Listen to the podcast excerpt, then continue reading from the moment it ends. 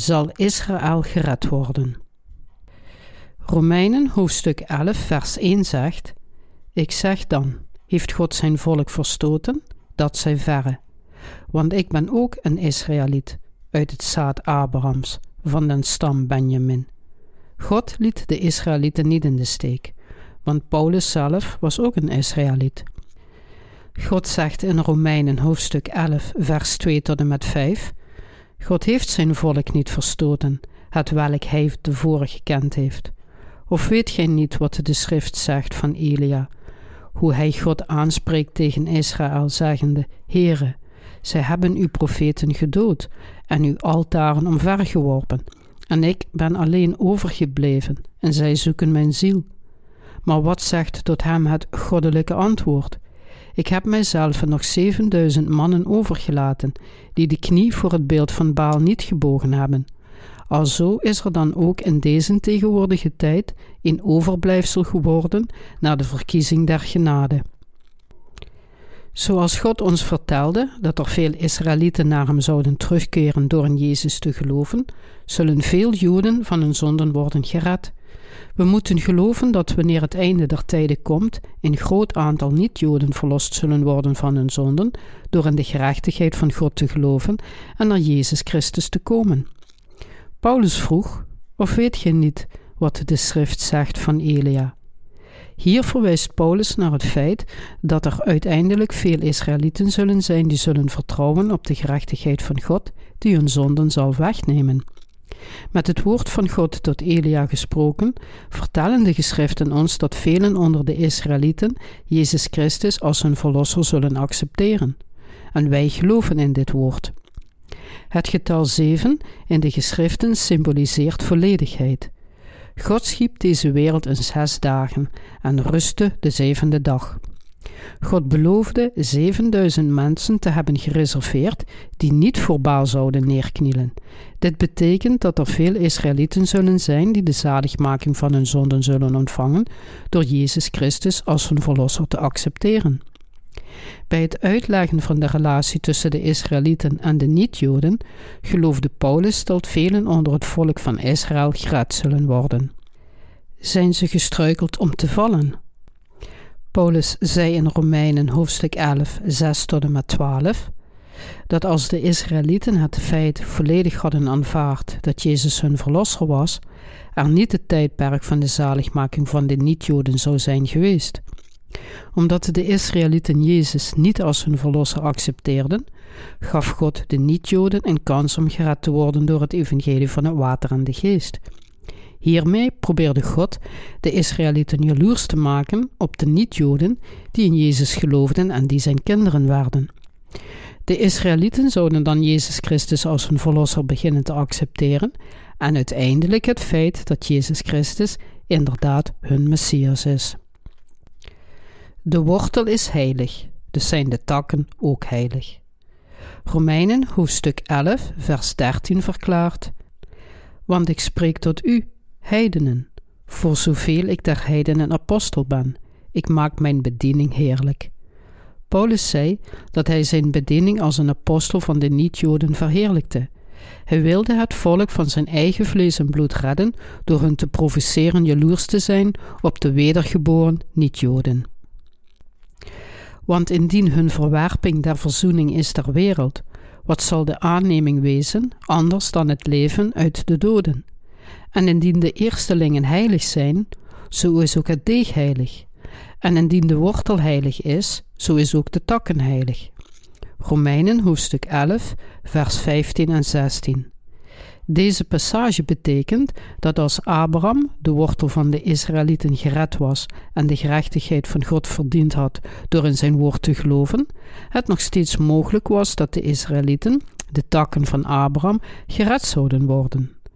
Tegelijkertijd waarschuwde Paulus de wedergeboren niet-Joden dat zij niet moesten opscheppen over het feit dat zij het heilige volk van God werden, omdat gebroken takken van een wilde olijvenboom nieuw leven krijgen door te worden geënt op een gecultiveerde olijvenboom. Zoals Romeinen hoofdstuk 11, vers 18 verklaart: Zo roem niet tegen de takken. En indien gij daarentegen roemt, gij draagt den wortel lid, maar de wortel U. We werden Gods volk omdat we van onze zonden werden gered door in de gerechtigheid van God te geloven. Maar als we Gods gerechtigheid verstoten, zullen wij ook verstoten worden. We kunnen dit niet doen omdat Jezus Christus alle gerechtigheid van God heeft vervuld, om ons van al onze zonden te redden en omdat we inderdaad gered zijn van al onze zonden. We zijn gered door ons geloof in de absolute gerechtigheid van God en niet door onze eigen werken. Wij, de niet-Joden, werden zijn volk door ons geloof in zijn gerechtigheid, in plaats van de gebroken takken van de Israëlieten. We kunnen standvastig blijven, omdat we in Gods gerechtigheid geloven. Door in Gods gerechtigheid geloven kunnen daarom zowel de christenen als ook de Joden tot het volk van Jezus geënt worden. Als we niet in Gods gerechtigheid geloven, zullen we zeker sterven vanwege onze zonden door zijn gerechtvaardigd oordeel. Paulus gaf deze waarschuwing als eerste aan de Israëlieten, maar ook wij zijn niet vrijgesteld van deze waarschuwing. God had medelijden met ons, de niet-Joden, en hij redde ons volledig met zijn gerechtigheid. Zij die Gods gerechtigheid kennen en erin geloven, zijn van al hun zonden gered.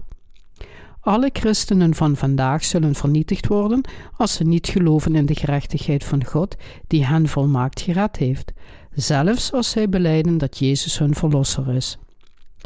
Romeinen hoofdstuk 11, vers 23 en 24 zegt: Maar ook zij, indien zij in het ongeloof niet blijven, zullen ingeënt worden, want God is machtig om dezelfde weder in te enten. Want indien gij afgehouden zijt uit den olijfboom, die van nature wild was, en tegen nature in den goede olijfboom ingeënt, hoeveel te meer zullen deze, die natuurlijke takken zijn, in hun eigen olijfboom geënt worden. Met andere woorden, God heeft de macht om iedereen te leiden tot geloof in zijn gerechtigheid. De macht is beloofd in de gerechtigheid van God door het evangelie van het water en de geest. Voor zowel de Israëlieten als ook de niet-Joden leiden hun daden er niet toe dat ze Gods kinderen worden. In plaats daarvan kunnen ze Gods kinderen worden door in zijn gerechtigheid en zijn belofte te geloven om hen tot zijn volk te maken. De gerechtigheid van God sluit de gerechtigheid van de wet volledig uit. Door de gerechtigheid van God zullen zowel de Israëlieten als de niet-Joden over de hele wereld gered worden door hun geloof. Dit is de zegening van de grote zaligmaking van God, die zal worden vervuld door het evangelie dat door ons wordt verspreid. Deze macht van God is zijn belofte van het geloof, gemaakt in zijn gerechtigheid. Laten we eens kijken naar Romeinen hoofdstuk 11, vers 26 en 27. En alzo zal geheel Israël zalig worden, gelijk geschreven is. De Verlosser zal uit Zion komen en zal de goddeloosheden afwenden van Jacob. En dit is hun een verbond van mij, als ik hun zonden zal wegnemen. God heeft beloofd dat hij uiteindelijk de Israëlieten zal redden aan het einde der tijden. Als zodanig beloofde God zelf het kwaad en het vuil uit de gedachten van de Israëlieten te verwijderen en hen te laten geloven in Jezus Christus als hun verlosser. Hoewel ze trouwe voorouders hadden, hebben de Israëlieten zelf nog niet de zaligmaking ontvangen. Maar God heeft ingewilligd hen in de nabije toekomst te redden door hun hart te raken en hen in zijn gerechtigheid te laten geloven. God heeft ons allen in onze ongehoorzaamheid opgesloten, zodat Hij genade met ons allen kan hebben. Laten we vers 32 lezen, dat een zeer diepgaand vers is want God heeft hen allen onder de ongehoorzaamheid besloten, opdat Hij hun allen zou barmhartig zijn. Iedereen komt in opstand en verzet zich tegen God. Niemand kan Hem volledig gehoorzamen, maar de reden dat God ons allemaal tot ongehoorzaamheid heeft opgedragen, is dat Hij ons medelijden en liefde kan geven. Dit is een zeer verrassende en verbazingwekkende waarheid. Door deze passage kunnen begrijpen waarom God de mensen tot ongehoorzaamheid had opgedragen, hoe verbazingwekkend zijn voorzienigheid is. God heeft ons als de ongehoorzamen gemaakt om ons te kleden in zijn volmaakte gerechtigheid en genadige liefde. We kunnen Hem alleen maar geloven en Hem danken voor zijn wonderbaarlijke doel. God liet zelfs de Israëlieten ongehoorzaam zijn om hun de liefde van zijn gerechtigheid te schenken De Israëlieten kijken nog steeds neer op Jezus en beschouwen hem als een armzalig mens van Nazareth, terwijl hij veel van de niet-Joodse christenen hem gebruiken om geld aan te verdienen. Zij die Gods genade geliefdig ongehoorzaam zijn, hebben geen andere keuze dan naar de hel te worden gestuurd. God heeft de brandende hel al voor hen voorbereid, maar hij kan het niet verdragen om de mensen naar de hel te zien gaan, want hij heeft veel medelijden met hen. Hoe kan ik jullie naar de hel sturen? Nadat het volledige aantal niet-Joden in zijn zaligmaking zijn opgenomen, zullen veel van de Israëlieten in Jezus als hun verlosser gaan geloven, wanneer de antichrist hen vervolgt tijdens de laatste helft van de zevenjarige verdrukking. In de toekomst zal onder de Israëlieten een ontelbaar aantal gelovigen opstaan, die Jezus als de gerechtigheid van God zullen beleiden. Want God heeft hen allen onder de ongehoorzaamheid besloten, opdat Hij hun allen zou barmachtig zijn. Deze verbazingwekkende passage verklaart dat God alle heeft toegestaan gered te worden door in Zijn gerechtigheid te geloven. God vertelde Paulus dat hij de Israëlieten tot inkeer zou brengen en in Christus zou laten geloven wanneer een voldoende aantal niet-Joden martelaars werden tijdens de verdrukking. Zoals Paulus in Romeinen hoofdstuk 11 vers 33 zegt, O diepte des rijkdoms, beide der wijsheid en der kennis Gods, hoe onderzoekelijk zijn zijn oordelen en onnaspeurlijk zijn wegen. Alle ware wijsheid en goddelijke voorzienigheid komen van God. Hij maakte alle mensen vanaf het begin ontoereikende wezens. Dit toont Gods wijsheid, die ons toestaat om zijn zaligmaking te ontvangen. Daarom zal het geloof in hem gedurende de laatste dagen zelfs de Israëlieten redden. Wij hadden allemaal geen andere keus dan in de vuilnisbak en het vuur te worden gegooid. Maar God redde ons van al onze zonden met zijn gerechtigheid, die door hem was gepland en werd volbracht. God wilde dat alle zondaars gered zouden worden door Jezus' doopsel en bloed, volgens het offersysteem van de tabernakel in het Oude Testament, toen de hele mensheid zondaars werden door verleid te worden door Satan en de wet van God te breken. Hoe kan iemand het wagen om tegen Gods wijsheid in te gaan? Want uit hem en door hem en tot hem zijn alle dingen. Hem zijn de heerlijkheid in der eeuwigheid. Amen. Wie kan deze waarheid begrijpen, dat God ons tot ongehoorzaamheid heeft opgedragen om ons zijn genade te schenken? Hoe durft iemand te zeggen dat hij ongelijk heeft om dat te doen? Niemand. Alle heerlijkheid en goddelijke voorzienigheid is voor altijd en eeuwig van Hem. De apostel Paulus schreef dat hij vervuld was met de Heilige Geest. Want wie heeft den zin des Herens gekend? Of wie is zijn raadsman geweest? Of wie heeft hem eerst gegeven en het zal hem weder vergolden worden? Want uit hem en door hem en tot hem zijn alle dingen. Hem zij de heerlijkheid in der eeuwigheid. Amen. Romeinen hoofdstuk 11, vers 34 tot en met 36. Hoewel we vol tekortkomingen zijn, leven we om het evangelie van de gerechtigheid van God te verspreiden. Zij die tegen dit evangelie van de gerechtigheid van God staan, zijn zijn vijanden. Dat is juist.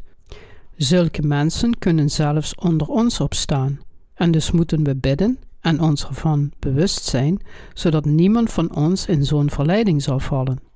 We mogen onder geen enkele omstandigheid tegen het evangelie ingaan. We moeten ons nooit met ongelovige harten tegen het evangelie van het water en de geest keren. Zij die zich er tegen keren, zullen in deze wereld en in de volgende vernietigd worden. De tijd voor de Israëlieten om in Jezus te geloven is nabij. Hoe geweldig zou het zijn als de zes miljard mensen op deze aarde zouden terugkeren naar God en de zaligmaking zouden ontvangen. De rechtvaardigen, die in Gods gerechtigheid geloven, moeten niet alleen naar de huidige situatie kijken, maar ook naar het werk dat God gepland heeft voor de Israëlieten en hun geloof voorbereiden om een nieuwe hemel en een nieuwe aarde binnen te gaan en daar te leven. De rechtvaardigen moeten altijd door geloof en hoop leven. Ik dank God, want ik weet dat de dag dat de Israëlieten in Christus als hun verlosser gaan geloven, nabij is. Kom gauw, Heere Jezus.